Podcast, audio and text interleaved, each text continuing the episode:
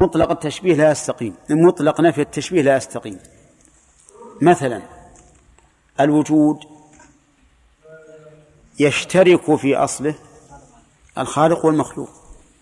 الخالق موجود والمخلوق موجود. هذا نوع اشتراك ونوع تشابه. لكن فرق بين الوجودين. وجود الخالق واجب وجود المخلوق ممكن. طيب السمع في اشتراك في الأصل ولا لا؟ في اشتراك.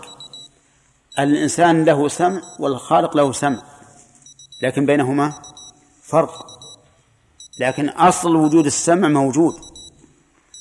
فإذا قلنا من غير تشبيه ونفينا مطلق التشبيه صار في هذا إشكال.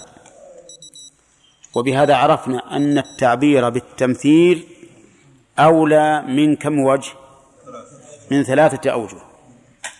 أولا أنه التعبير الذي عبر به القرآن وثانيا أن التشبيه صار يطلق عند بعض الناس بمعنى نفي الصفات. وثالثا أنه لا يصح نفي التشبيه على الإطلاق إذ ما من شيئين إلا وبينهما اشتراك ما وهذا الاشتراك نوع مشابهة. واضح؟ وبهذا نعرف أن الصواب أن نقول من غير تمثيل وهو الذي عبر به حبر الأمة في زمانه شيخ الإسلام ابن تيمية رحمه الله حيث قال ولا تمثيل خالق والمخلوق وامتناع التماثل بين الخالق والمخلوق. طيب قال المؤلف درس الجديد بل يؤمنون الضمير يعود على أهل السنة والجماعة. بل يؤمنون بأن الله ليس كمثله شيء وهو السميع البصير. يؤمنون بأن الله ليس كمثله شيء وهو السميع البصير. يعني يقرون بذلك إقرارا وتصديقا بأن الله ليس كمثله شيء. كما قال عن نفسه ليس كمثله شيء وهو السميع البصير. هنا نفى المماثلة ثم أثبت. فنفى العيب ثم أثبت الكمال. لأن نفي العيب قبل إثبات الكمال ولهذا يقال التخلية قبل التحلية. يعني نظف المحل أولا ثم زينه. هكذا أيضا نفى الله أولا عن نفسه المماثلة ثم أثبت السمع والبصر. فنفي العيوب يبدأ به أولا ثم يذكر إثبات الكمال. وكلمة شيء ليس كمثله شيء نكرة في سياق النفي فتعم كل شيء. ليس شيء مثله أبدا أي مخلوق وإن عظم فليس مماثلا لله عز وجل. طيب لأن مماثلة الناقص نقص. مماثلة الناقص نقص. بل إن طلب المفاضلة بين الناقص والكامل تجعله كاملا. ناقصا. تجعله ناقصا. كما قيل ألم تر أن السيف ينقص قدره؟ إذا قيل إن السيف أمضى من العصا. إذا قلت السيف أمضى من العصا لا شك أنك تحتقر السيف. لأنك أردت أن تفاضل بينه وبين العصا. فكيف إذا ساويت بين الشيء والشيء؟ فإنك إذا ساويت الكامل بالناقص نقص الكامل. فهنا لو لو قلنا إن لله مثيلا لازم من ذلك تنقص الله عز وجل. فلهذا نقول نفى الله عن نفسه مماثلة المخلوقين لأن مماثلة المخلوق نقص وعيب. كيف تكون نقصا وعيبا؟ لأن المخلوق ناقص. وتمثيل الكامل بالناقص يجعله ناقصا. بل طلب المفاضلة أو بينهما ها؟ أو ذكر المفاضلة بينهما يجعله ناقصا. كالبيت الذي أشرنا إليه. طيب. وفي قوله ليس كمثله شيء رد صريح على الممثلة على أهل التمثيل. الذين يثبتون أن الله سبحانه وتعالى له مثيل. وحجة هؤلاء الذين يثبتون التماثل بين الخالق والمخلوق يقولون إن القرآن عربي. صح؟ طيب. وإذا كان عربيا فقد خاطبنا الله تعالى بما نفهم. ولا يمكن أن يخاطبنا بما لا نفهم. وقد خاطبنا الله تعالى فقال إن له وجها وإن له عينا وإن له يدين وإن له قدما وما أشبه ذلك. ونحن لا نعقل بمقتضى اللغة العربية من هذه الأشياء إلا مثل ما نشاهد. لا نعقل إلا مثل ما نشاهد. وعلى هذا فيجب أن يكون مدلول هذه الكلمات مماثلا لمدلولها بالنسبة للمخلوقات. يد ويد. نعم. ووجه ووجه. وعين وعين. وأصبع وأصبع. وساق وساق. وقدم وقدم. وهكذا. فنحن إنما قلنا بذلك لأن لدينا دليلا. عرفتم؟ طيب. ولا شك أن هذه الحجة واهية. ويوهيها, ويوهيها ما سبق من بيان أن الله ليس له مثيل. ونقول إن الله خاطبنا عز وجل بما خاطبنا به من صفاته لكننا نعلم علم اليقين أن الصفة بحسب الموصوف.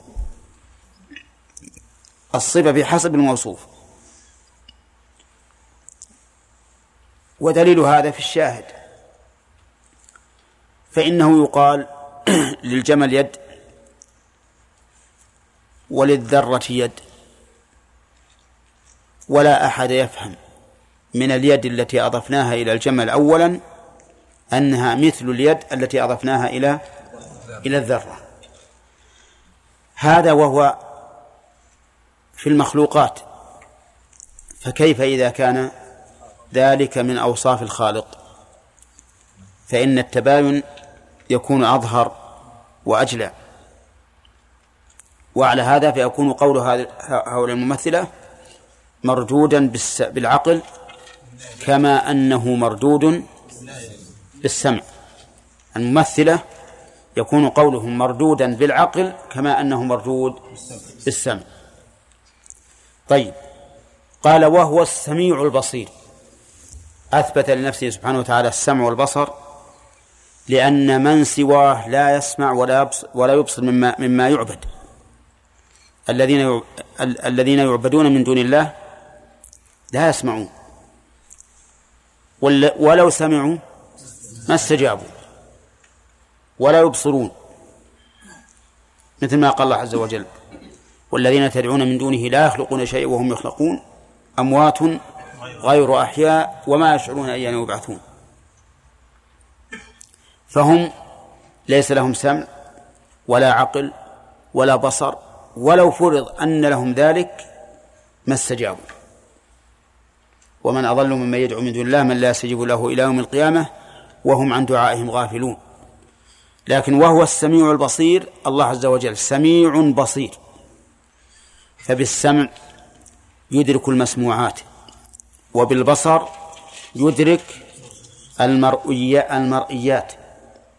بالبصر يدرك المرئيات. فهو جل وعلا سميع بصير. أما السمع والبصر فنؤجل الكلام على تقسيمه إن شاء الله حتى يأتي في كلام المؤلف. لكن نفهم الآن السمع يعني الذي يسمع كل مسموع وإن خفي. وقد مر علينا في الدرس الماضي ها قول عائشة رضي الله عنها تبارك الذي وسع سمعه الأصوات. إني لفي الحجرة وإنه لا يخفى علي بعض حديثها.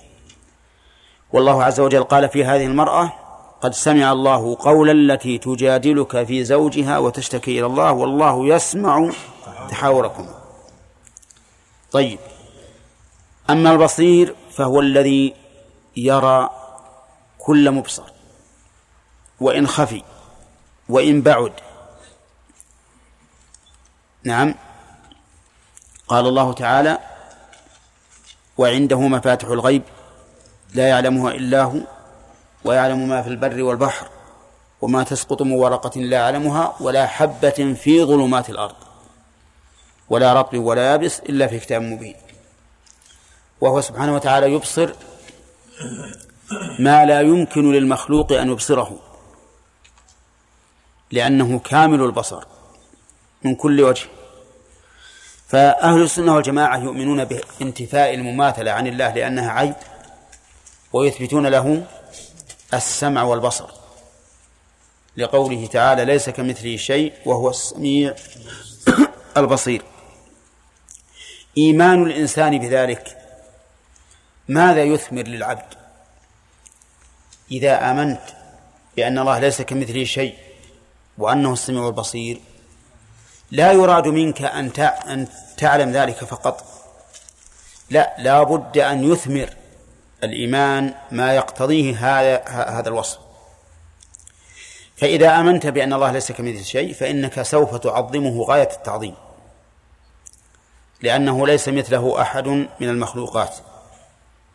فتعظم هذا الرب العظيم الذي لا يماثله أحد. وإلا لم يكن هناك فائدة من إيمانك بأنه ليس كمثله شيء. إذا آمنت بأنه سميع فسوف تحترز عن كل قول إيش؟ يغضب الله. ولا لا؟ لأنك تخشى أن يسمعك. تعلم أن يسمع لأنك تعلم أنه يسمعك فتخشى عقابه. فكل قول يكون فيه معصية الله عز وجل سوف تتحاشاه. لأنك تؤمن بأنه سميع. وإذا لم يحدث لك هذا الإيمان هذا الشيء فاعلم أن إيمانك بأن الله سميع إيمان ناقص. ولا شك والله ما أدري عن أنفسنا هل نحن نجد هذه الثمرة أو الواحد يطلق اللسان وبس. نعم. وهل يكب الناس في النار على وجوههم أو قال على مناخرهم إلا حصائد ألسنتهم؟ إذا آمنت بأن الله سميع سوف لن تتكلم إلا بما يرضيه. لا سيما إذا كنت تتكلم معبرا عن شرعه وهو المفتي والمعلم فإن هذا أشد وأشد لأن الله سبحانه وتعالى يقول ومن أظلم ممن افترى على الله كذبا ليضل الناس بغير علم. فإن هذا أظلم الظلم ولهذا قال إن الله لا يهدي القوم الظالمين. وهذا والعياذ بالله من عقوبة من يفتي بلا علم أنه لا يهدى لأنه ظالم. إن الله لا يهدي القوم الظالمين. فحذاري يا أخي المسلم أن تقول على الله أن تقول قولا لا يرضي الله سواء قلته على الله أو أو على غير هذا الوجه. البصير ما ثمرة الإيمان به؟ ها؟ أن لا تفعل شيئا يغضب الله. لأنك تعلم أنك لو لو تنظر نظرة محرمة ما يفهم الناس أنها نظرة محرمة. فإن الله تعالى يراها يرى هذه النظرة ويعلم ما في قلبك شوف يعلم خائنة الأعين وما تخفي الصدور. إذا أمنت بهذا نسأل الله أن يحقق لي ولكم الإيمان به. إذا آمنا بذلك ما يمكن نفعل فعلا لا يرضاه أبدا استحي من الله كما تستحي من أقرب الناس إليك وأشدهم تعظيما. لا تقول والله أنا ما أنا الله في السماء و... لا أبدا. إذا إذا آمنا بأن الله بصير فسوف نتحاشى كل فعل يكون سببا لغضب الله. وإلا فإن إيماننا بذلك ناقص. نعم. لو أن أحدا أشر بأصبعه أو بشفته أو بعينه أو برأسه لأمر محرم. الناس اللي حوله ما يدرون عنه. الله تعالى يراه. يراهم. فليحذر هذا. فليحذر هذا. لو أننا نؤمن بما تقتضيه أسماء الله تعالى وصفاته لوجدت الاستقامة كاملة كاملة فينا لكن الغفلة كثيرة. نعم يقول المؤلف فلا ينفون عنه ما وصف به نفسه. رحمهم الله. لا ينفون عن الله ما وصف به نفسه. كل ما وصف الله بنفسه يثبتونه. بتحريف أو بتصديق. بتصديق. ينفونه عن الله. لا ينفون. نعم لا ينفونه. نعم لا ينفون عن الله ما وصف به نفسه. سواء كان من الصفات الذاتية أو الفعلية أو الخبرية. أليس كذلك؟ طيب. الصفات الذاتية كالحياة والعلم والقدرة وما, وما أشبه ذلك وتنقسم إلى إلى ذاتية معنوية وذاتية خبرية كما مر علينا. الذاتية الخبرية ما هي؟ التي مسماها أبعاض لنا وأجزاء كاليد والوجه والعين. هذه يسميها العلماء خبرية ذاتية. ذاتية لأنها لا لا تنفصل. ولم يزل الله ولا يزال متصفا بها. خبرية لأنها متلقاة بالخبر يعني العقل ما ما ما, ما يستدل على ذلك. لولا أن الله أخبرنا بأن له يدا ما علمنا. ما علمنا بذلك. لكنه أخبرنا بذلك بخلاف العلم والسمع والبصر فإن هذا ندركه بماذا؟ بعقولنا مع دلالة السمع. لهذا نقول في مثل هذه الصفات اليد والوجه وما أشبهها نقول هذه صفات إيش؟ خبرية ذاتية. ولا نقول أجزى وأعظم. ما نقول هكذا. نتحاشى هذا اللفظ. لكن مسماها لنا أجزاء وأبعاد. ليش؟ يقولون لأن الجزء أو البعض ما جاز انفصاله عن الكل. الذي يسمى بعضا وجزءا هو الذي يجوز انفصاله عن الكل. يمكن تقطع يدك يمكن تقطع رجلك. والسارق والسارقة فاقطعوا أيديهما. إنما جزاء الذين يحاربون الله ورسوله أن يقتلوا أو يصلبوا أو تقطع أيديهم وأرجلهم ويسعون في الأرض فسادا أن يقتلوا أو يصلبوا أو تقطع أيديهم وأرجلهم من خلاف. ويبقون ولا لا؟ يبقون, يبقون.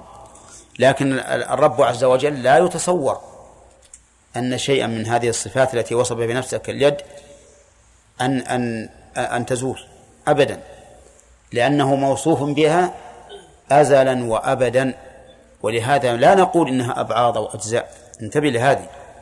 لكن نقول مسماها أبعاض وأجزاء بالنسبة لنا. بالنسبة لنا. طيب. الصفات الفعلية هي التي هي المتعلقة ها بمشيئته. إن شاء فعلها وإن شاء لم يفعلها. وقد ذكرنا فيما سبق أن هذه الصفات الفعلية منها ما نوعه ذاتي ومنها ما, لا ما, ليس نوعه ذاتيا. وش مثال النوع ذاتي؟ كالكلام. فإن الله لم يزل ولا يزال متكلم. والذي ليس ذاتيا نوعه كالاستواء على العرش والنزول إلى السماء الدنيا لأن هذا ما صار إلا بعد وجود العرش والسماء. فليس أصليا. طيب. آه المهم أن أهل السنة والجماعة يثبتون كل ما وصف الله به نفسه. ولكن حذاري من ما ذكر المؤلف وهو قوله ولا يحرفون الكلمة عن مواضعه. الكلم اسم جمع كلمة. كذا طيب. الكلم يراد به كلام الله وكلام رسوله. لا يحرفونه عن مواضعه يعني عن مدلولاته. عن مدلولاته. فمثلا قوله تعالى بل يداه مبسوطتان. ماذا يقولون فيه؟ يقول هي يد حقيقية ثابتة لله من غير تكييف ولا تمثيل المحرفون يقولون قوته أو نعمته أما أهل السنة لا. يقولون القوة الشيء واليد شيء والنعمة الشيء واليد شيء شيء آخر. فهم لا يحرفون الكلمة عن مواضعه وقد سبق أن التحريف من صنع اليهود. من الذين هادوا يحرفون الكلمة عن مواضعه. الذين هادوا يحرفون الكلمة فكل من حرف نصوص الكتاب والسنة ففيه شبه من من اليهود. فاحذر هذا. لا تتشبه بالمغضوب عليهم الذين جعل الله منهم القردة والخنازير وعبد الطاغوت. لا تحرف. أبق الكلام على على ما أراد الله ورسوله. ومن كلام الشافعي ما يذكر عنه آمنت بالله وبما جاء عن الله على مراد الله. آمنت بالله وبما جاء عن الله على مراد الله. وآمنت برسول الله. وآمنت برسول الله. لا وبما جاء عن رسول الله على مراد رسول الله. لا أحرف ولا أغير. وقوله ولا يلحدون في أسمائه في أسماء الله وصفاته. ها؟ ولا يحرفون ولا يلحدون في أسماء الله وآياته. لا يلحدون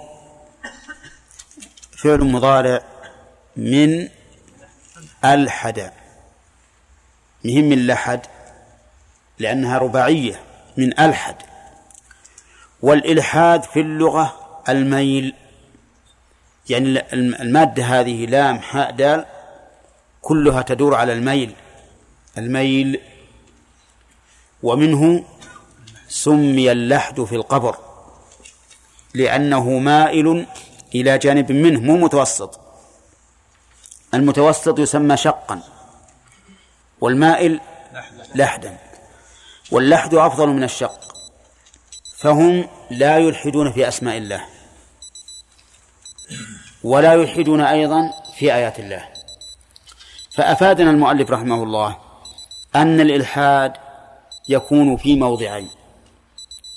في الأسماء وفي الآيات. في الأسماء وفي الآيات. شوف كلام المؤلف. في أسماء الله وفي آياته. ونقول نعم. هذا الذي يفيده كلام المؤلف قد دل عليه القرآن. قال الله تعالى ولله الأسماء الحسنى فادعوه بها وذروا الذين يلحدون في أسمائه سيجزون ما كانوا يعملون. وذروا الذين يلحدون في أسمائه سيجزون ما كانوا يعملون. فأثبت الله الإلحاد في ماذا؟ في الأسماء. وقال تعالى إن الذين يلحدون في آياتنا لا يخفون علينا. فأثبت الله الإلحاد في الآيات. واضح؟ طيب. إذن كيف يكون الإلحاد في الأسماء؟ قال العلماء إن الإلحاد في الأسماء تعريفه هو الميل فيها عما يجب. الميل فيها عما يجب. انتبه. الميل فيها عما يجب. هذا التعريف. وهو أنواع. النوع الأول أن يسمي الله بما لم يسم به نفسه. أن يسمي الله بما لم يسم به نفسه. كما سماه الفلاسفة علة فاعلة. الفلاسفة يسمون الرب هو العلة الفاعلة.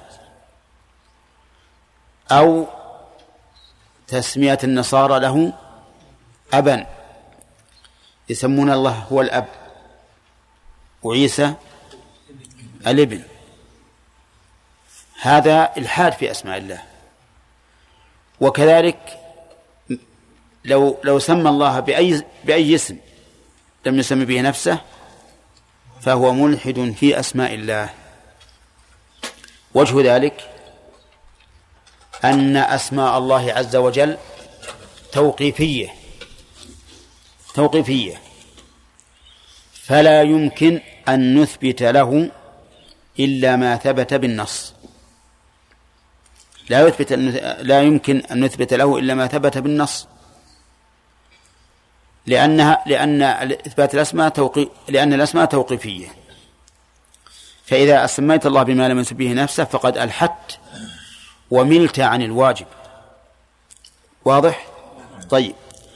تسمية الله بما يسمي به نفسه ظلم أيضا وعدوان على الله عز وجل. يعني مع أنه سوء أدب فهو ظلم وعدوان. لأنه لو أن أحدا دعاك بغير اسمك وسماك بغير اسمك. وش تعتبره؟ اعتدى عليك وظلمك. ما له حق يسميك بغير ما سميت به نفسك. هذا في المخلوق فكيف؟ بالخالق إذا ليس لك حق في أن تسمي الله بما لم يسمي به نفسه فإن فعلت فأنت ها؟ ملحد في أسماء الله ملحد في أسماء الله. ثانيا أن ينكر. هنقول الحكم فيه. بعدين. ثانيا أن ينكر شيئا من أسمائه عكس الأول. الأول سمى الله بما لم يسمي به نفسه. وهذا جرد الله مما سمى به نفسه. ينكر الاسم. عرفت؟ ينكر الاسم سواء أنكر كل الأسماء أو بعضها. التي ثبتت لله فإذا أنكرها فقد ألحد فيها. وجه الإلحاد فيها أنه لما أثبتها الله لنفسه وجب علينا إيش؟ أن نثبتها له. فإذا نفيناها فهذا إلحاد ميل بها عما يجب فيها. طيب هل أحد من الناس أنكر الأسماء؟ إيه نعم فيه غلاة الجهمية أنكروا الأسماء. قالوا الله ما ما له اسم. أبدا. لماذا؟ قال لأنك لو لو أثبت له اسما شبهته بالموجودات. ما له اسم. وهذا معروف أنه باطل وأظن أنه سبق الكلام في رده. النوع الثالث أن ينكر ما دلت عليه من الصفات. أن ينكر ما دلت عليه من الصفات. يثبت الاسم لكن ينكر الصفة التي يتضمنها هذا الاسم. ينكر الصفة التي يتضمنها هذا الاسم مثل أن يقول إن الله سميع بلا سمع وعليم بلا علم وخالق بلا خلق. وقادر بلا قدرة. سبحان الله. معقول هذا؟ ما, هو معقول؟ هل يمكن تأتي لشخص أصم ما يسمع ولا المدفع عند أذنه؟ تقول والله هذا سميع. يصلح ولا لا؟ ما يصلح. سميع بلا سمع لا يمكن. لكن فيه من ينكر من يثبت الاسم وينكر الصفة. ويقول إن الله سميع بلا سمع وعليم بلا بلا علم. ثم هؤلاء يجعلون الأسماء أعلام أعلاما محضة. أعلاما محضة. يقول السميع غير العليم لكن كل ما له معنى. السميع لا يدل على السمع والعليم لا يدل على العلم لكن مجرد إعلام. مثل ما تسمي مثلا لك ولد تسمي مثلا صالح وابو مهيد نعم وش بعد؟ صويلح وهكذا. والاسم ما ما يدري ما ما اختلف المعنى. هم يقولون سميع عليم بصير إلى آخره. أعلام محضة. لا تحمل معنى وليس معناها وليس معناها واحدا. في آخر يقول نقول هذه الأسماء شيء واحد. شيء واحد. فهي عليم وسميع وبصير كله واحد. ما تختلف. إلا بتركيب الحروف فقط. فيجعل السميع والعليم والبصير وهذا شيء واحد شيئا واحدا. وكل هذا شيء غير معقول. ولذلك نحن نقول إنه لا يمكن الإيمان بالأسماء حتى تثبت ما تضمنته من الصفات. ولعلنا من هنا نتكلم على دلالة الاسم. فالاسم له أنواع له أنواع ثلاثة في الدلالة. له أنواع ثلاثة في الدلالة. الاسم له أنواع ثلاثة في الدلالة. دلالة مطابقة ودلالة تضمن ودلالة التزام. انتبه لهذا. دلالات الأسماء ثلاثة أنواع. دلالة تضمن مطابقة وتضمن والتزام. فدلالة المطابقة أن كل اسم دال على ذات الله وصفته والصفة المشتقة من هذا الاسم. كل اسم دال على ذات الله وعلى الصفة التي اشتق منها هذا الاسم.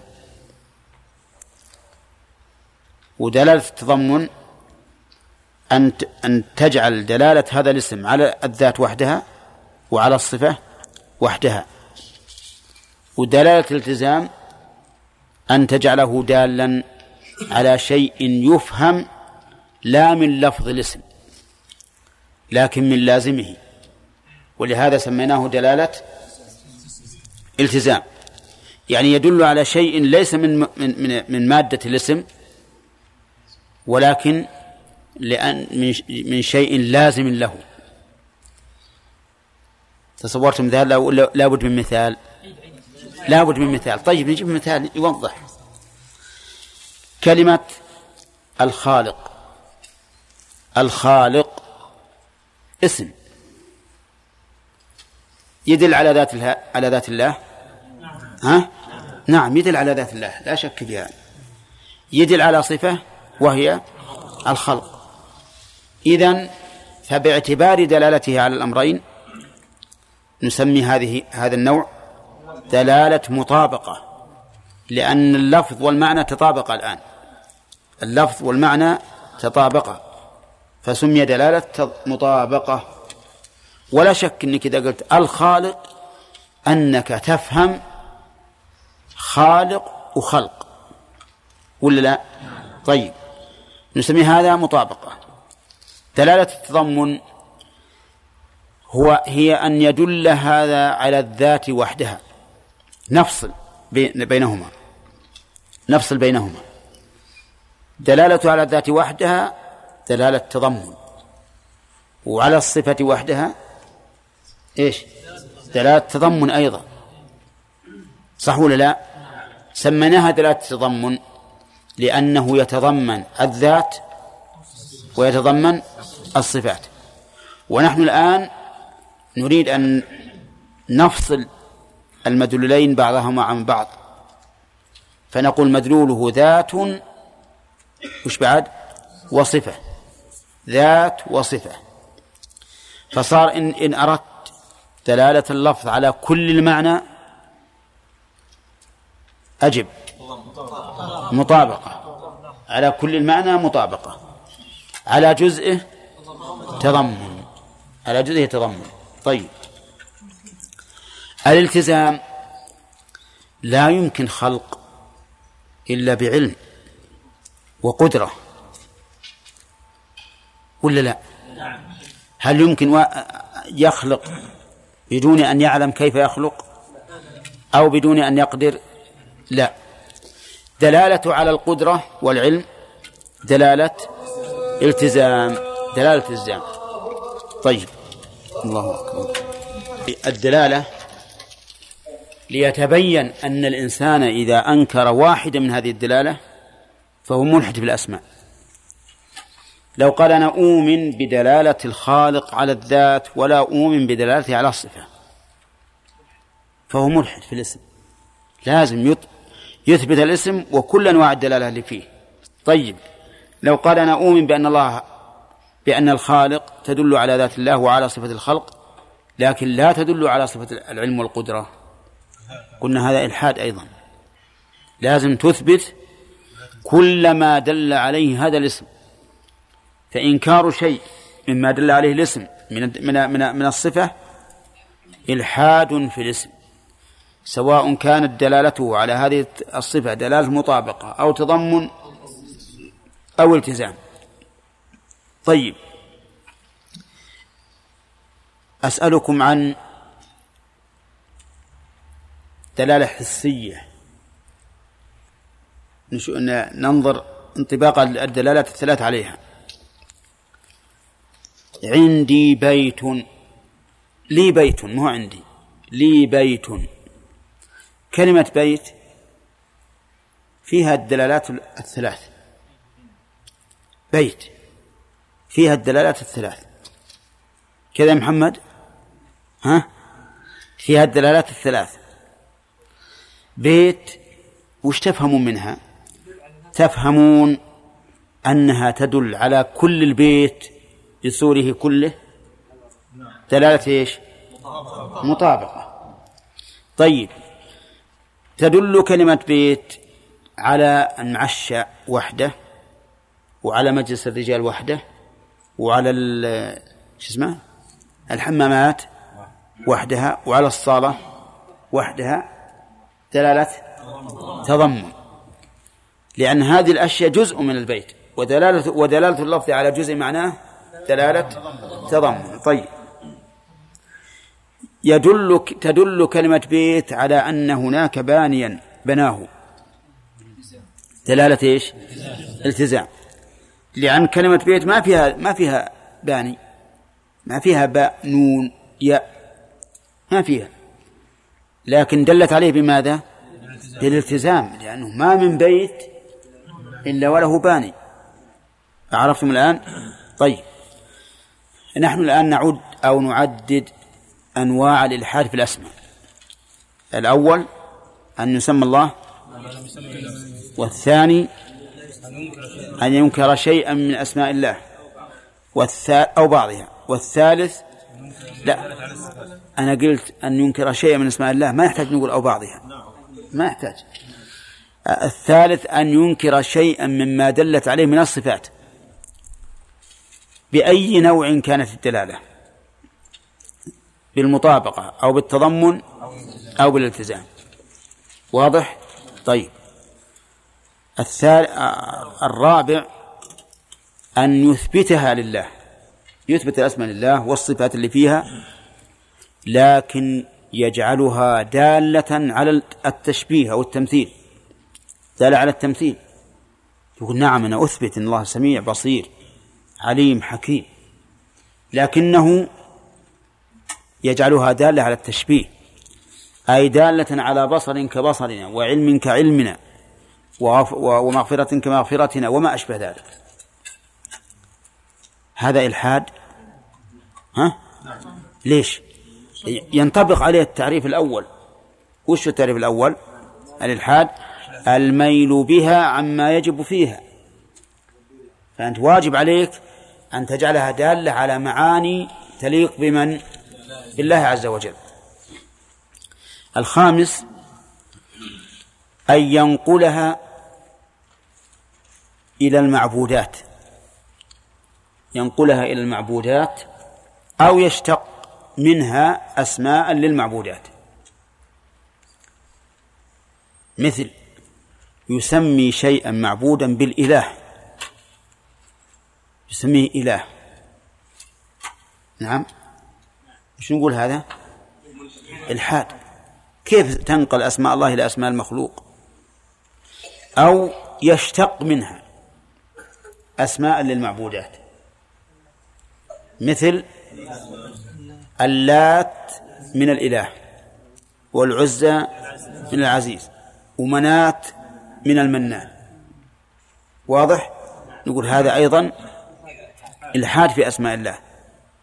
لأن الواجب عليك أن تجعل أسماء الله خاصة به وأن لا تتعدى وتتجاوز فتشتق للمعبودات منها أسماء.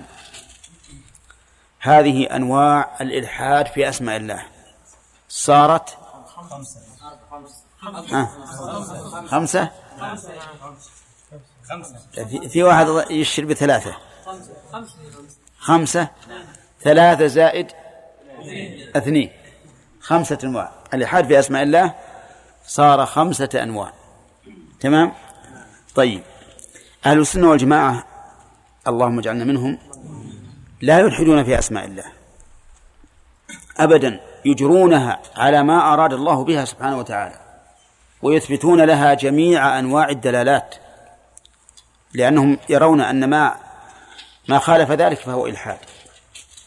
طيب ولا يلحدون في آيات الله. وقبل أن نعرف الإلحاد في آيات الله يجب أن نعرف أقسام آيات الله أو أنواع آيات الله. فنقول أولا تعريف الآية. الآية هي العلامة المميزة للشيء عن غيره. هذه العلامة. آه هذه الآية. العلامة المميزة للشيء عن غيره. هذه الآية. والله عز وجل بعث الرسل بالآيات. لا بالمعجزات. ولهذا التعبير بالآيات أحسن من التعبير بالمعجزات. يعني بدل ما أن تقول بدل من أن تقول معجزات الأنبياء والقرآن معجز وما أشبه ذلك القرآن معجز قد يكون له وجه لكن الآيات تسميته بالمعجزات خطأ أو على صح تساهل. فالصواب أن نسميها بالآيات. كما سماها الله. كما سماه الله عز وجل. آيات نعم المعجزات قد تقع من ساحر مشعوذ وما أشبه ذلك. نعم تعجز غيره. الساحر يفعل شيء ما يفعله غيره. ولا لا؟ يطير بالهواء وأنا أخونا. نعم يطير في الهواء الساحر. ولا يمشي على الماء. هذا معجز ولا غير معجز؟ ها؟ معجز. موجود أظن عندكم في أفريقيا. الحمد لله. طيب. آه، المهم كلمة آيات أدل على المعنى المقصود من كلمة معجزات. آيات الله عز وجل هي العلامات الدالة على الله عز وجل. الدالة على الله عز وجل. وحينئذ تكون خاصة به لأن إحنا قلنا أن الآية هي العلامة المميزة للشيء عن غيره. إذن فآيات الله خاصة به. لولا أنها خاصة ما صارت آية له. ولا لا؟ أي نعم ما تكون آية له. الآيات أعني آيات الله عز وجل تنقسم إلى قسمين. آيات كونية وآيات شرعية. آيات كونية وآيات شرعية. الدليل على ذلك استمع. ومن آياته الليل والنهار والشمس والقمر. ومن آياته أن خلقكم من تراب ثم إذا أنتم بشر تنتشرون. ومن آياته خلق السماوات والأرض واختلاف ألسنتكم وألوانكم. إن في ذلك لآيات للعالمين. ومن آياته منامكم بالليل والنهار وابتغاؤكم من فضله. إن في ذلك لآيات لقوم يتفكرون.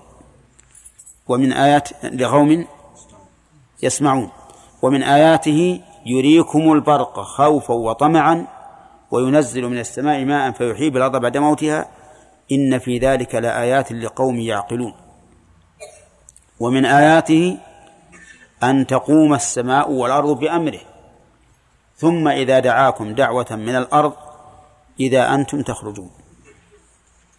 هذه الآيات كونية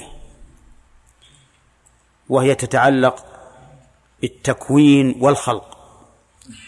فما يتعلق بالتكوين والخلق فهو آيات إيش؟ كونية وإن شئت قل كونية قدرية كونية قدرية. لماذا كانت آية آية الله؟ لأنه لا يستطيع الخلق أن يفعلوها. هل يستطيع أحد أنه ينومك؟ ما يستطيع؟ ما يستطيع أحد أن ينومك؟ ها؟ ما يستطيع أبدا. ومن آم الحبوب الله جعلها سببا. جعلها الله سببا. ولا هذه المرأة تهدي ولدها هكذا هكذا ويسكت ينام لكن سبب إنما واحد يقول جيت والله تشكو إليك أنا والله أنا بالليل يأخذني الأرق. قال نم. ومر يبدأ يشخر يمكن هذا ولا لا؟ ما يمكن. أبدا. وإن شئنا يا شيخ نقول النوم اللي هو الطبيعي وغير الحبوب أو غيره لا حتى الطبيعي هذا الطبيعي بالحقيقة. الله جعل خلق سببا في هذا الشيء. فهو خالق السبب خالق المسبب. فإذا نقول الآيات هي التي لا يمكن أن تكون في الغير لأنها تميز الشيء عن غيره. فالله عز وجل هذه آيات الشمس والقمر أحد يستطيع أن يخلق مثلها؟ لما خلقوا هذه الأقمار الاصطناعية ها وفرحوا بها كم دارت على الأرض؟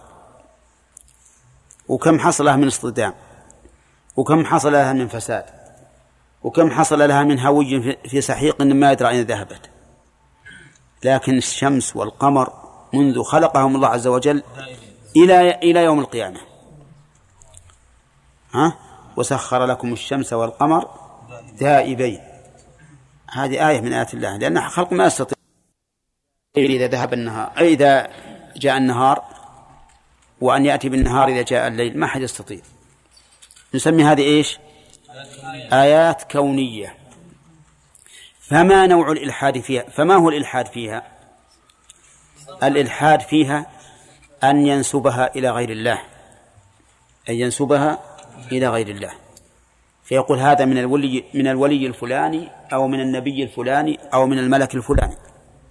أن ينسبها إلى غير الله. ثانيا أو يعتقد أن لله مشاركا فيها أن لله مشاركا فيها. يقول واحد يجيب الليل والله يجيب النهار أو واحد يجيب النهار والله يجيب الليل. إيش نقول؟ إلحاد ولا لا؟ إلحاد. أو يعتقد أن لله معينا فيها أن لله تعالى معينا فيها. نعم. هو يقول الله سبحانه وتعالى هي ملك لله.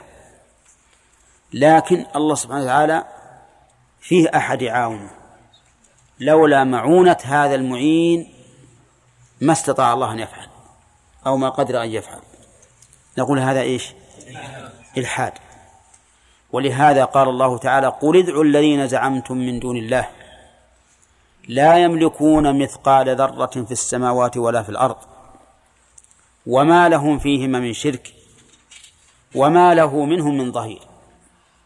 فنفى كل شيء يتعلق بشركة أو مساعدة أو معاونة أو استقلال. ثم جاء بالرابع ولا تنفع الشفاعة عنده إلا لمن أذن له.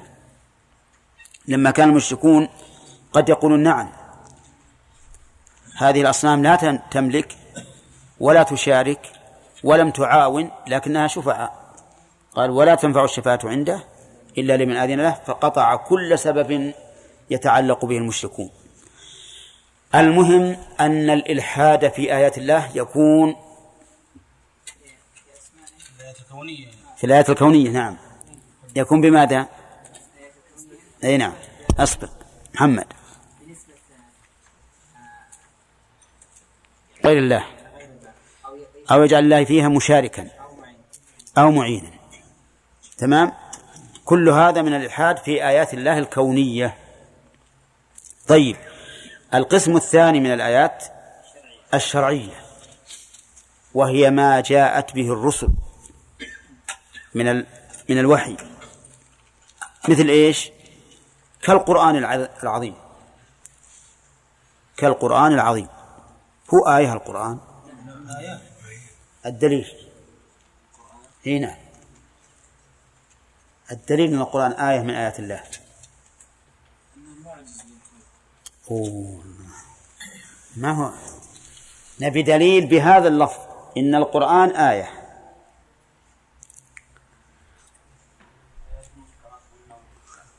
ها؟ السؤال واحد. معين. السؤال لواحد معين.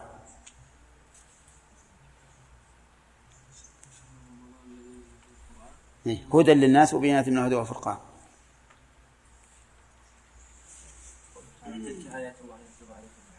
نعم. تلك آيات الله نتلوها عليك بالحق وإنك لمن المرسلين. وقالوا لولا أنزل عليه آيات من ربه يقول إنما الآيات عند الله وإنما أنا نذير مبين. أولم يكفهم أنا أنزلنا عليك الكتاب يتلى عليهم. فجعله آيات. فالآيات الشرعية إذن إيش؟ ما جاءت به الرسل من الوحي. هذه الآيات الشرعية. وكيف يكون الإلحاد فيها؟ يكون الإلحاد فيها إما بتكذيبها أو تحريفها أو مخالفتها يعني عصيانها. كل هذا إلحاد. تكذيبها بأن يقول إيش؟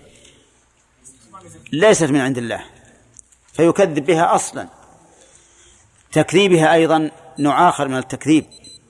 يكذب بما جاء فيها من الخبر.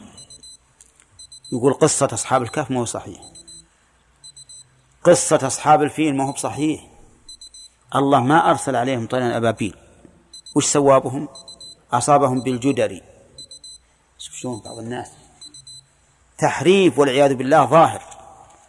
يقول ما فيه نزل الطيران أبابيل ترميهم بحجارة من سجيل. لكن هذه عبارة عن مكروبات الجدري أصيبوا بالجدري في مكة وراحوا لبلادهم وهلكوا.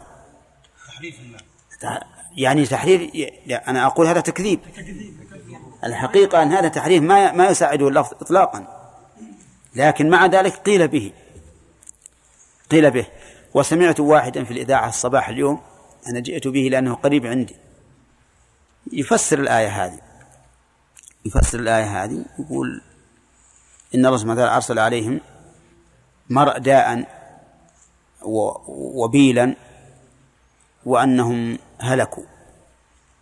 رجعوا إلى بلادهم وهلكوا. قال الله تعالى أعوذ بالله من الشيطان الرجيم. ألم تر كيف فعل ربك بأصحاب الفيل؟ ألم يجعل كيدهم في تضليل وأرسل عليهم طيرا أبابيل ترميهم بحجارة من سجيل فجعلهم كعصف مأكول. صدق الله العظيم. هكذا قال. فقلت في نفسي صدق الله العظيم ولكن كذبت. لأنه يقول ما هي طير أبابيل؟ ولا فيها حجارة من سجيل. أنا ما أدري كيف يعني تذهب بهم العقول إلى هذا التعريف البين. لأن عقولهم استبعدت أن الله يرسل طيورا فيها حجارة من هذا السجيل الصلب تضرب الواحد حتى يصيرون مثل عصف المأكول. كالزرع إذا أكلته الإبل. سبحان الله العظيم. والجدري ما يسوي كذا. ما يخليه عصف حتى لو مشكلة. على قوله يعني. إي نعم. المهم على كل حال أقول هذا تحريف. ولا لا؟ أو تكذيب. طيب. التكذيب أن يكذب أصل النزول مثل ما كذبوا كذبت قريش الرسول صلى الله عليه وسلم فقالوا ساحر كذاب أو يكذب ما فيها من خبر كأن يكذب بقصة أصحاب الفيل أو بقصة أصحاب الكهف أو ما أشبه ذلك. نعم. أو يكذب بأن مريم كانت عذراء. نعم. فيها الآن كتب مع الأسف. قال لي واحد إنها وزعت عندهم في شمال المملكة كتيبات صغار للأطفال انتبهوا ولا بعد؟ جزاكم الله خير. مكتوب فيها أن مريم جامعها يوسف النجار وأنها ولدت. وش هذا يصير؟ هذا قول النصارى. قول النصارى واليهود إذا قالوا إنها بغي أيضا. نعم إن كان بزواج فهو قول النصارى وإن كان ب... نعم. هذا والعياذ بالله كفر. هذا كفر. لأنه تكذيب. لأنها قالت هي ولم يمسسني بشر ولم أكو بغيا. ما مسها بشر بحلال ولا مسها وليست بغيا بالزنا. وهؤلاء يقول هذا. هؤلاء كفار والعياذ بالله. وهذا هو الذي يريد منا أعداؤنا أن نكذب القرآن ونصدق مثل الأشياء. ومع ذلك حاطين يقول يقول للي كلمني حاطين بكتيبات مزخرفة منمقة إذا شافها الصبي يفرح بها ما يتعداها. وش ظنكم إذا إذا غرست هذه العقيدة في أذهان الصبيان؟ ما تزول عنهم أبدا. نعم؟ طيب. أقول إن هذا يعتبر من باب التحريف لأنه تكذيب. الثاني وش قلنا فيها؟ التحريف. تحريف النصوص إلحاد. يعني يصرفها عما أراد الله بها ورسوله. هذا ملحد. لأنه مال عما يجب فيها. الثالث مخالفتها بترك الأوامر أو فعل النواهي. فإن هذا إلحاد. قال الله تعالى في الحرم في المسجد الحرام ومن يرد فيه بإلحاد بظلم نذقه من عذاب أليم. فكل المعاصي إلحاد لأنها خروج بالآيات عما يجب لها. إذ الواجب علينا أن نمتثل الأوامر وأن نجتنب النواهي. فإن لم نقم بذلك فهذا إلحاد. طيب فصار الإلحاد في الآيات ينقسم باعتبار انقسام الآيات. والآيات قلنا إنها إما كونية وإما شرعية. فالكونية هي المخلوقات والشرعية هي الوحي النازل على الأنبياء. والإلحاد في الآيات الكونية يكون بأمور ثلاثة. ما هي؟ نسبة إلى غير الله اعتقاد الشريك لله اعتقاد المعين لله. والآيات الشرعية وهي الوحي النازل على الأنبياء يكون بالتكذيب والتحريف والمخالفة. أهل السنة والجماعة يتبرؤون من ذلك. لا يلحدون في أسماء الله ولا في آياته بل يقومون بالواجب عليهم في ذلك وذاك. نعم. طيب أصحاب الفيل نعم. هلكوا كلهم ولا بقي منهم؟ ظاهر القرآن كلهم هلكوا محمد بن عبد الوهاب لم انه رجع إلى إلى اليمن. إلى اليمن أما ظهر القرآن فالله أهلكهم كلهم. ألم يجعل كيدهم في تضليل وأرسل عليهم طيرا أبابيل ترميهم بحجارة من نعم.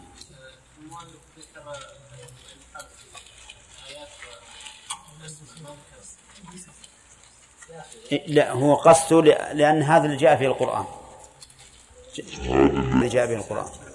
والغالب أن الإلحاد في الصفات طيب الإلحاد في الصفات داخل في الإلحاد في الآيات الشرعية؟ داخل لأنه من التحريف. لا لا. إذا كانت الصفة مما يتعلق بالاسم لكن أحيانا تأتي الصفة بدون اسم مثل اليد والوجه وما أشبه ذلك. هنا. نعم يا عبد الوهاب الذي في تشكيل الآيات القرآنية وكلم الله موسى. اي هذا هذا تحريف تحريف لفظي. هو من الإلحاد في الآيات الشرعية. هو إلحاد في الآيات الشرعية. نعم. تلزم دلالة المطابقة ودلالة شلون؟ ما, ما يمكن. لأن الالتزام فرع. فلا يمكن يكون أصل. المهم الآن دلالة الالتزام فرع عن دلالة المطابقة فلا يمكن تكون أصل. يعني لو لو جاء مثل تبي تقول عندي باني بدون أن يبني ما صار باني. والعكس صحيح يعني يلزم. العكس صحيح نعم. قد يلزم وقد لا يلزم أحيانا ما يلزم. أحيانا ما يلزم. إذا قلت مثلا هذا الرجل قائم دل على ذات قائمة فقط. على ذات وعلى قيام.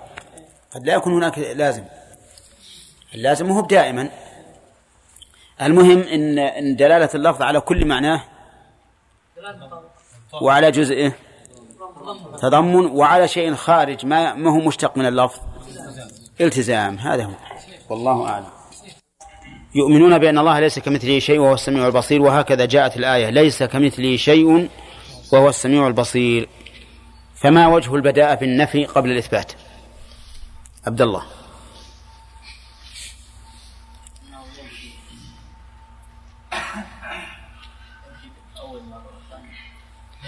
إيه لماذا نفى أولا ثم أثبت ثانيا؟ الحكمة يعني والسبب. نعم. سامي؟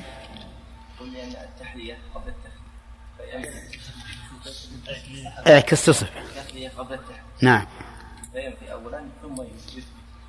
يعني إن, إن, إن الترتيب أن تنفى العيوب أولا ثم تثبت المحامد والصفات الكاملة. طيب. ومن الألفاظ الدارجة بين العلماء أن التخلية طيب. أعيدها يقول يا من يرى مد البعوض جناحها في ليلة الليل البهيم الأليل في ظلمة الليل البهيم الأليل في ظلمة الليل البهيم الأليل ويرى نياط عروقها في نحرها. والمخ في تلك العظام النحل ويرى نياط عروقها في نحرها والمخ في تلك العظام النحل أمن علي بتوبة تمحو بها ما كان مني في الزمان الأول. أبيات عظيمة. نعم. طيب. قال المؤلف رحمه الله إن أهل السنة والجماعة لا يحرفون الكلمة عن مواضعه. وسبق من التعريف فهد.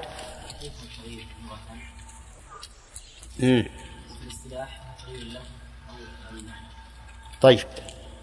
مثاله. كما قال الرسول عليه الصلاة والسلام ما من مكلوم يكلم في سبيل الله إلا جاء يوم القيامة وجرحه يثعب دما. اللون لون الدم والريح ريح المسك. فجعل كلم بمعنى جرح. كيف يجرح؟ كيف يجرح موسى؟ شلون يجرحه؟ قال نعم جرحه بمخالب الحكمة. حتى غاصت المخالب فيه وجرح. نعم فصار حكيما. أعوذ بالله. تحريف باطل. طيب ذكرنا الإلحاد. قال إنهم أيضا لا يلحدون في أسماء الله وآياته. وأن الإلحاد يكون لا الإلحاد يكون في إيش؟ في أسماء الله وآياته. مد قوله؟ هي حرك صحيح. ها.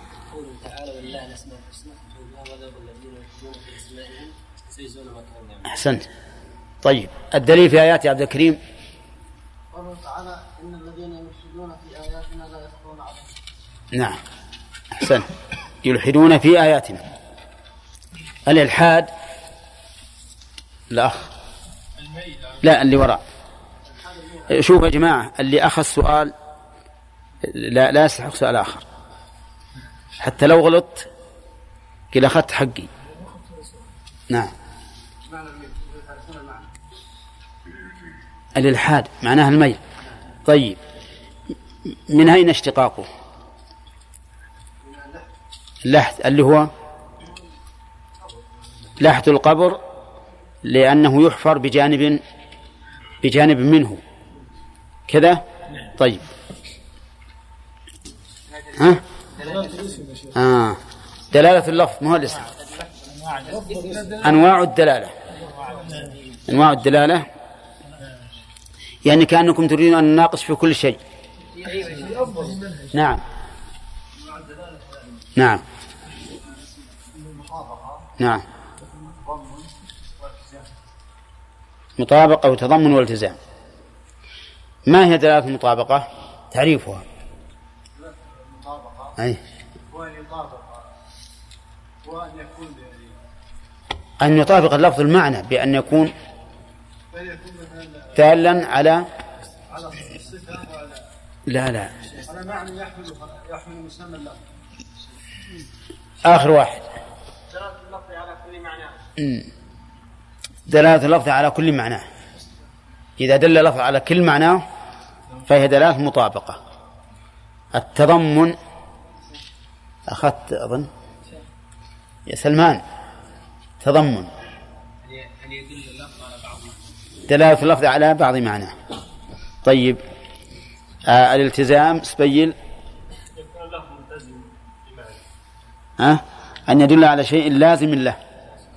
أن يدل على شيء لازم له ولكنه لا يدل عليه بمقتضى اللفظ بل بطريق اللزوم. بطريق اللزوم. واضح يا جماعة؟ طيب. إن قال رحمه, قال رحمه الله تعالى ولا يكيفون وسبق أن التكييف ذكر كيفية الصفة.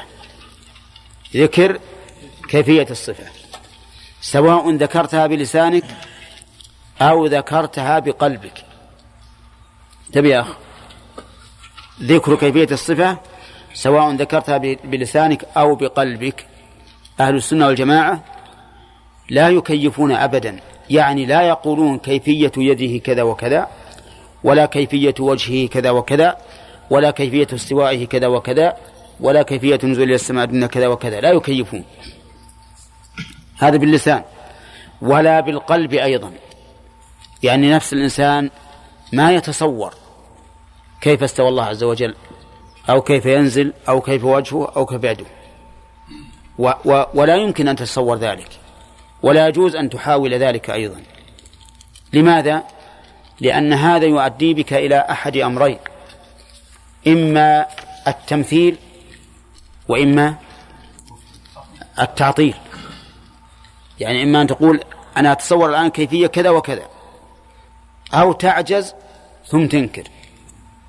ولهذا لا يجوز للإنسان أن يحاول معرفة كيفية استواء الله على العرش أو ها؟ أو يقوله بلسانه. بل ولا يسأل عن الكيفية. لأن الإمام مالك رحمه الله قال السؤال عنه بدعة. السؤال عنه بدعة. لا تقل كيف استوى. كيف ينزل كيف يأتي كيف وجهه كيف يده. لا تقل هكذا. إن, إن فعلت ذلك قلنا إنك مبتدع.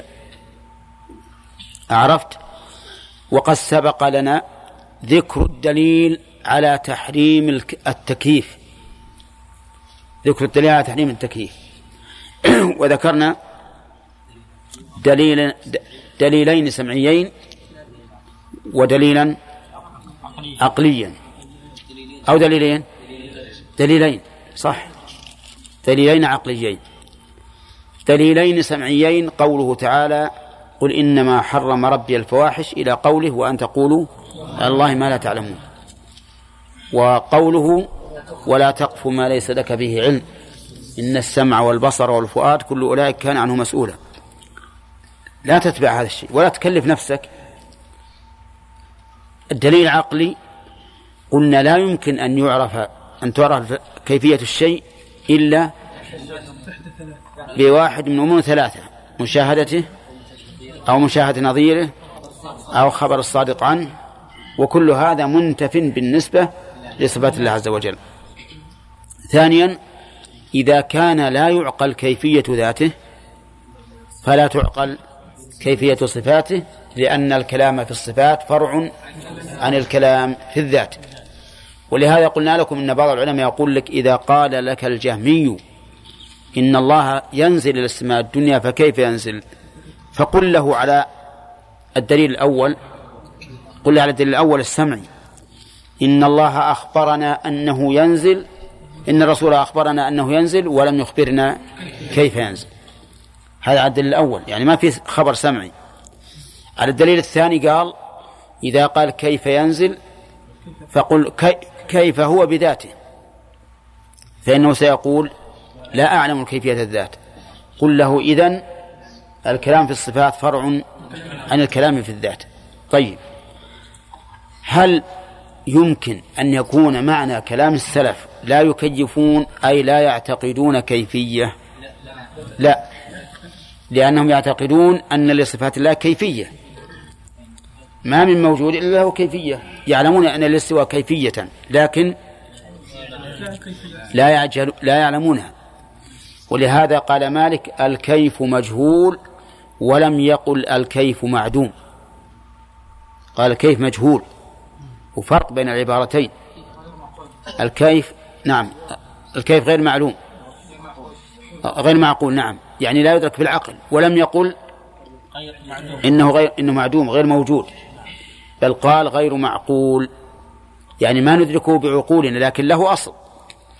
وذكرنا أنه ما من شيء موجود إلا وله كيفية لكن نحن ما نعرف الكيفية. نعم. ولهذا لو قال لنا قائل صفوا لنا مثل قصر واحد ما في بلد ثاني. فلان مثل له قصر في البلد الفلاني أعرف القصر وأعرف أن القصر له كيفية ولا ما له كيفية؟ ها؟ له كيفية. فيه غرف وحجر وحمامات وصالات وغير ذلك. لكن لو قال كيف كيفه صفه لي أقول ما أستطيع. لأني لا أدري. لا أستطيع لأني ما أدري. لكن لو قال قصره مثل هذا القصر وكيفه ولا لا؟ لأني شاهدت نظيرة شاهدت نظيرة طيب. إذا لا يكيفون صفاته ولا يمثلون صفاته بصفات خلقه. وهذا معنى قوله فيما سبق من غير تمثيل. وسبق لنا امتناع التمثيل سمعا وعقلا. وأن السمع في التمثيل ورد خبرا وطلبا. ورد خبرا وطلبا. ولا لا؟ طيب نمشي. وفطرة أيضا. نعم. يقول بصفات خلقه لأنه سبحانه. هذا تعليل للحكم. لا يكيفون ولا يمثلون لأنه سبحانه. لا سمي له. سبحان هذه اسم مصدر. اسم مصدر سبح. والمصدر من سبح؟ تسبيح. المصدر تسبيح. لكن سبحان بمعنى تسبيح دالة على على المعنى لكنها بغير اللفظ. وكل ما دل على معنى المصدر وليس بلفظه فهو اسم مصدر. اسم مصدر. كسبحان وكلام مثلا وطيرة بدل تطير وما أشبه ذلك. طيب. سبحان اسم مصدر من من سبح. فما معنى سبح؟ قال العلماء معناها نزه. نزه. وأصلها من السبح. السبح. وهو البعد. كأنك تبعد صفات النقص عن الله عز وجل. نعم. تبعد صفات النقص عن الله سبحانه وتعالى. فهو سبحانه وتعالى منزه عن كل نقص. لكن ما إعرابها؟ يقولون إنها منصوبة دائما على المفعولية المطلقة وعاملها محذوف. دائما. ما يمكن يأتي العامل. يعني ما يمكن تقول أسبح سبحانا. بل تقول سبحان. لأنه أبلغ. يقول سبحانه لا سمي له. ولا كفء له ولا ند له. لا سمي له. دليل ذلك قوله تعالى رب السماوات والأرض وما بينهما فاعبده واصطبر لعبادته. هل تعلم له سميا؟ هل استفهام؟ لكنه بمعنى النفي. ويأتي النفي بصيغة الاستفهام لفائدة عظيمة.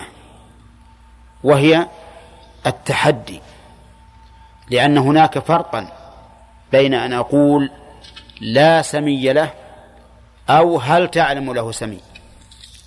لأن هل تعلم له سمي متضمن للنفي وللتحدي أيضا فهو مشرب معنى التحدي وهذه قاعدة افهموها.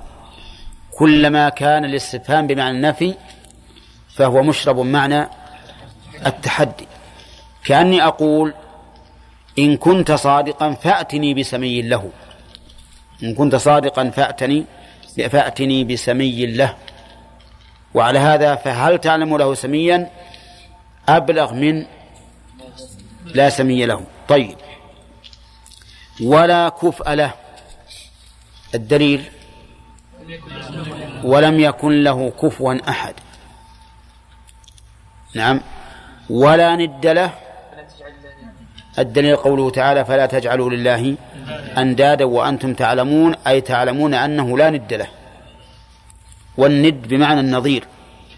وهذه الثلاثة السمي والكفء والند معناه متقارب جدا. لأن معنى الكفء الذي يكافئه ولا يكافئ الشيء الشيء إلا إذا كان مثله. فإن لم يكن مثله لم يكن مكافئا له. إذن لا كفء له يعني ليس له مثيل سبحانه وتعالى. طيب هذا النفي وش المقصود منه؟ المقصود منه كمال صفاته. كمال الصفات. ليس معناه لا, لا مثيل له لأنه غير موجود مثلا. لا مثيل له لأنه كامل الصفات فهذا النفي نفي الكفر والسمي والمثيل يراد به إثبات كمال صفاته لأنه لكمال صفاته لا أحد يماثله. طيب. ولا يقاس بخلقه تبارك وتعالى. لا يقاس. القياس ينقسم إلى ثلاث ثلاث أقسام. قياس شمول وقياس تمثيل وقياس أولوية. فهو سبحانه وتعالى لا يقاس بخلقه قياس تمثيل ولا قياس شمول. ولا قياس شمول. قياس الشمول هو ما يعرف عندنا بالعام الشامل لجميع لجميع أفراده. بحيث يكون كل فرد منه داخلا في مسمى ذلك اللفظ ومعناه. فمثلا إذا قلنا الحياة فإن الحياة لا يقاس تقاس حياة الله سبحانه وتعالى بحياة الخلق لأن الكل يشمله اسم حي مثلا. واضح؟ طيب. قياس تمثيل بمعنى أن نجعل ما يثبت للخالق مثل مثل ما يثبت للمخلوق. هذا معنى قياس التمثيل. لأن قياس التمثيل أن تلحق شيئا في شيء شيئا بشيء في حكم لتماثلهما. قياس الأولوية هذا يقول العلماء إنه مستعمل في حق الله. لقوله تعالى ولله المثل الأعلى يعني كل صفة كمال فلله تعالى أعلاها. السمع والبصر والعلم والقدرة والحياة والحكمة وما أشبهها موجودة في المخلوقات لكن لله أعلاها وأكملها. ولهذا أحيانا نستدل دلالة بالدلالة العقلية من هذه الزاوية أي من زاوية القياس بالأولى. فمثلا نقول العلو صفة كمال في المخلوق. فإذا كان صفة كمال في المخلوق فهو في الخالق من باب أولى وهذا دائما نجده في كلام العلماء. فقول المؤلف رحمه الله ولا يقاس بخلقه بعد قوله لأنه لا سمي ولا له ولا كفى ولا ولا ند يعني القياس المقتضي للمساواة. يعني القياس المقتضي للمساواة وهو قياس الشمول وقياس التمثيل. نعم؟ طيب. إذن يمتنع القياس بين الله وبين الخلق لماذا؟ للتباين بينهما. وإذا كنا في الأحكام لا نقيس الواجب على الجائز أو الجائز على الواجب. ففي باب الصفات بين الخالق والمخلوق من باب أولى. لو قال لك واحد الله موجود والإنسان موجود. ونقول وجود الله كوجود الإنسان بالقياس. وش نقول؟ ما يصح. لا يصح. لأن وجود الخالق واجب. ووجود الإنسان ممكن. قال طيب سمع سمع. أبى أقيس سمع الخالق على سمع المخلوق. نقول لا يمكن.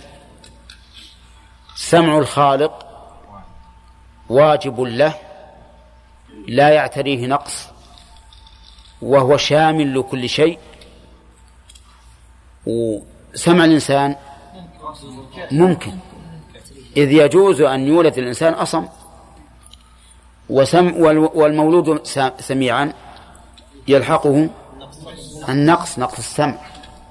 طيب وسمعه أيضا شامل؟ ها؟ محدود. ولا لا؟ إذا لا يمكن القياس.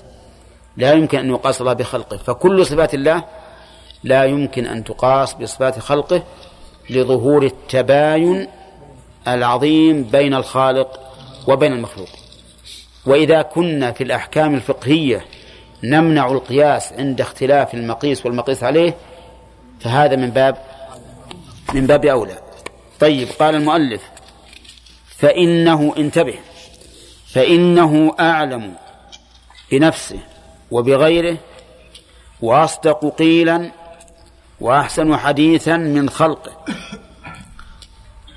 وهذا بالنسبة لكلامه سبحانه وتعالى. يقول أعلم بنفسه. وسبق أن العلم اثنين من الصفات التي يتم بها مطابقة الخبر للمخبر عنه. وأص وأصدق قيلا هذا الوصف الثاني. وأحسن حديثا هذا الوصف الثالث. كم ذولي؟ إحنا ذكرنا فيما سبق أن الكلام يوصف بأربع صفات العلم والصدق. والبلاغة والقصد. وسيأتي إن شاء الله بعد الأذان نكمل.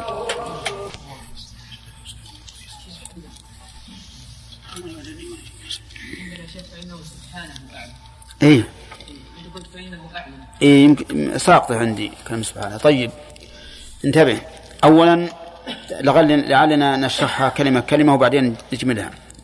قال فإنه أعلم بنفسه. وبغيره. فإنه سبحانه وتعالى أعلم بنفسه وأعلم بغيره.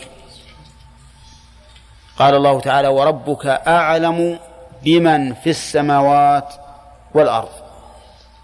وربك أعلم بمن في السماوات والأرض. ولقد فضلنا بعض النبيين على بعض. وهو أعلم بنفسه أيضا. لقوله تعالى ولا يحيطون به علما. وهو قد أحاط بنفسه علما. إذن هو أعلم بنفسه وبغيره من غيره. فهو أعلم بك من نفسك. صح؟ لأنه يعلم ما سيكون لك في المستقبل وأنت لا تعلم ماذا تكسب غدا. فهو أيضا أعلم بك من نفسك. طيب. كلمة أعلم هنا اسم تفضيل. ولقد تحاشاها بعض العلماء. وفسر أعلم بعالم. فقال إن ربك هو أعلم بمن ضل عن سبيله وهو أعلم بالمهتدين. أي هو عالم بمن ضل عن سبيله. ليش يا جماعة؟ قال لأن أعلم اسم تفضيل. واسم التفضيل يقتضي اشتراك المفضل والمفضل عليه. صح ولا لا؟ طيب. وهذا لا لا يجوز بالنسبة لله. لكن عالم اسم فاعل. ما في مقارنة ولا في التفضيل. ففسر أعلم بإيش؟ بعالم. نقول له سبحان الله. ما أجهلك بلغتك وما أجهلك بالقرآن. الله يعبر عن نفسه يقول أعلم وأنت تقول لا ما هو أعلم لكنه عالم. نعم؟ هذا شيء غريب.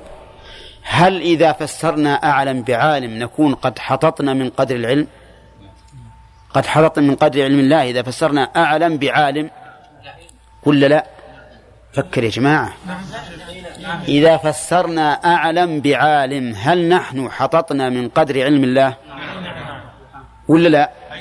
أي نعم. لأن عالم أنا عالم وأنت عالم والثاني عالم كلنا علماء. ولا لا؟ لكن أعلم معناه لا يسويه أحد في هذا العلم. لا يسوي أحد في هذا العلم. فإذا فسرنا عالم أعلم بعالم حططنا من قدر علم الله. صح ولا لا؟ طيب. وكلمة أعلم تقتضي أنه لا يشاركه أحد فيما هو في منزلة العلم. أعلم من كل شيء. أعلم من كل عالم. وهذا أكمل في الصفة بلا شك. ونقول له إن اللغة العربية بالنسبة لاسم الفاعل لا تمنع المشاركة في الوصف. لكن بالنسبة لاسم المفعول بالنسبة لاسم التفضيل تمنع المشاركة. ما أدري والله واضح؟ ها؟ اللغة العربية. لا تمنع المشاركة في اسم الفاعل. فيقال هذا قائم وهذا قائم وهذا عالم وهذا عالم وكلهم سواء. ولا لا؟ طيب. لكن اسم التفضيل يمنع المشاركة فيما دل عليه. لا يمنع المشاركة فيما دل عليه. لكن قلت فلان أعلم من فلان معناه أن الثاني المفضل عليه دونه في الدرجة. دونه في الدرجة. لأن ولولا ذلك ما صح أن يقال إنه أعلم. لأنه يقول ما هو أعلم شوف الثاني شاركه. نعم. وعلى هذا فنقول حتى أنت لا تفهم اللغة العربية. لا تفهم اللغة العربية. ونقول أيضا في باب المقارنة لا لا بأس أن نقول أعلم في باب المقارنة لا بأس أن نقول أعلم. يعني لا بأس أن نأتي باسم التفضيل. ولو فرض خلو المفضل عنه من ذلك المعنى. أصحاب الجنة يومئذ خير مستقرا وأحسن مقيلا. أهل النار عندهم خير في مستقرهم.